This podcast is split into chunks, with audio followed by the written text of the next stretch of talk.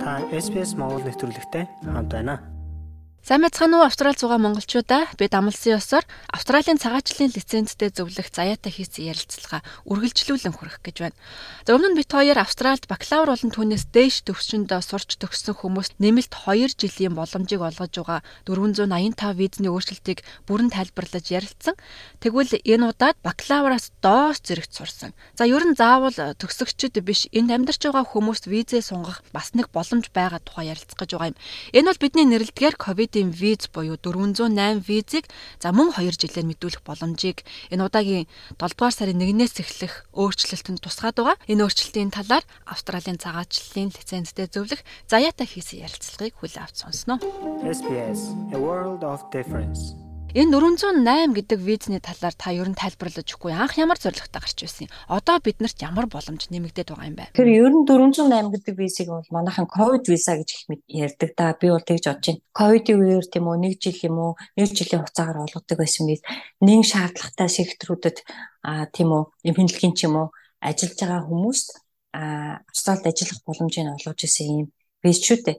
Тэгэхээр одоо энийг болохоор мөн ялгаа авахгүй төр зуурын тийм үү Австралийн ажиллах хүчний хомсдлог алхах зорилгоор бас олгож байгаа нэг визнийх нь нэг нэг болгож ашиглах гэж байгаа байхгүй.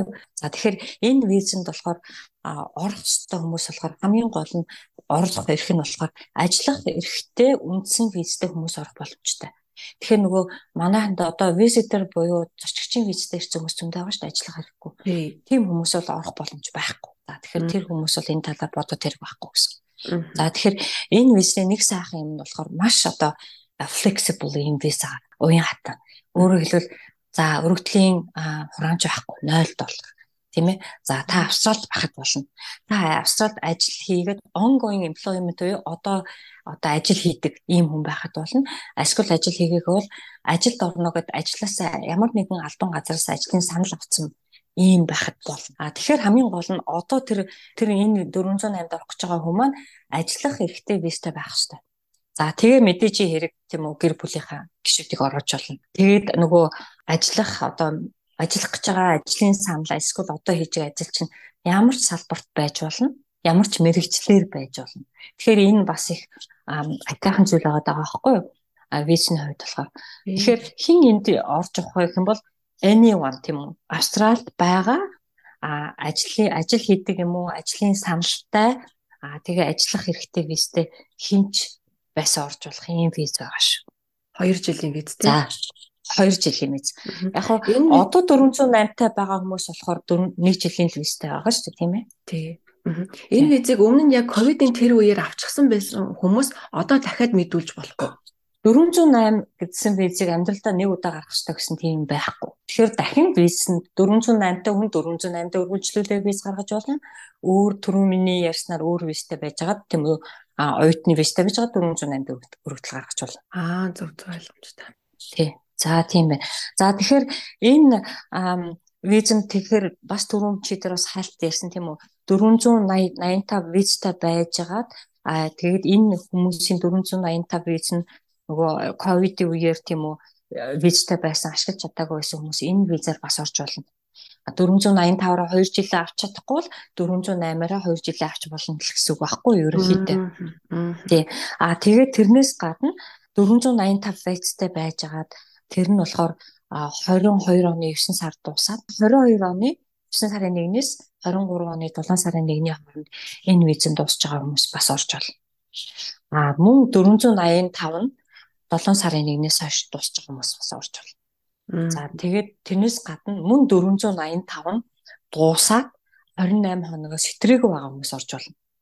За жишээлбэл 7 сарын 1-нд боллоо тийм үү? Чи тэр өдрийн байдлаар чиний виз чинь жишээлбэл 9 сар дуусах гэж штэ 485 чинь тий. Тэгэх юм бол чи 408 аппликейшн хийж болно. За аль эсвэл чи 7 сарын 1-ний байдлаар чиний виз чинь дуусчаад байж исэн бол 28 хоноогүй байх юм бол тийм үү ямар ч визтэй байж болно шүү дээ тий. Оюутны виз чинь жишээлбэл дуусаад ингээд 28 хоног байх юм бол ийшээ орж бас болно гэсэн үг байхгүй юу. Тэгэхээр энэ 408 гэсэн ангиллыг гарч үзээрэй. Тийм зөвхөн одоо 485 та хүмүүс биш тийм ээ. Оюутны визтэй, өөр ажиллах хэрэгтэй визтэй хүмүүс энэ энэ ангилын визийг бас гарч болно шүү. Виз сонголтын дээр бидний хардаг нэг гол зүйл бол энэ визтэй байгаа тохиолдолд хүүхдийн сургалтын төлбөр бид нэр төлөх үү гэдэг нэг асуулт дандаа гарч ирдэг шүү дээ тий. 408 485 хүүхдийн сургалтын төлбөр төлдөг үү? Сургалтын төлбөр төл.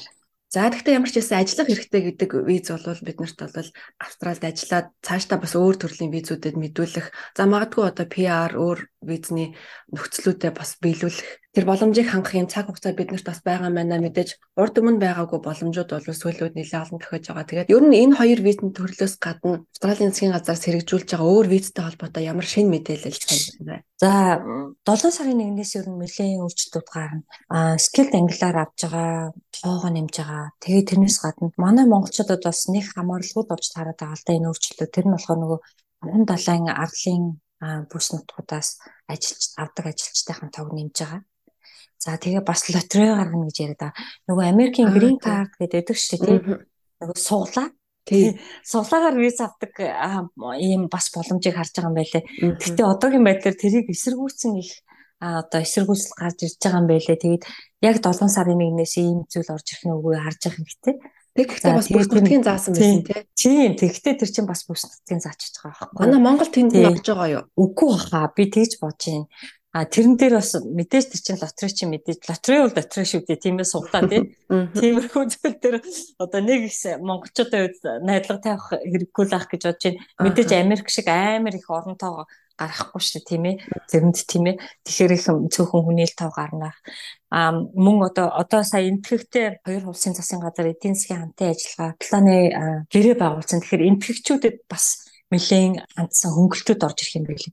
Тэгэхээр яг одоо монголчуудад шууд хамааралтай гэж харах тийм айхтар бол өөрчлөлтүүд бас орж ирэх байх. Гэсэн хэдий ч гэсэн мэдээж хэрэг нөө скилд ангиллаар авах хүний тоо нэмэгдэж байгаа учраас тийч энэ бас хамаа энийг бол хамааралтай гэж хэлэх байх л да.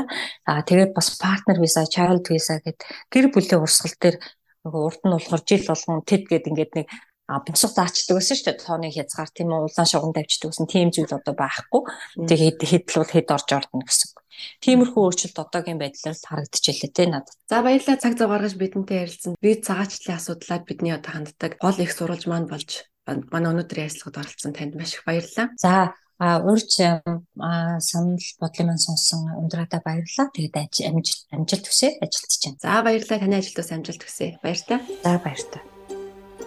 Бидний хүссэн газраа сонсоорой. SBS радиогийн аппликейшнийг SBS.com.cg-ийг радио апп хаягаар татаж аваарай.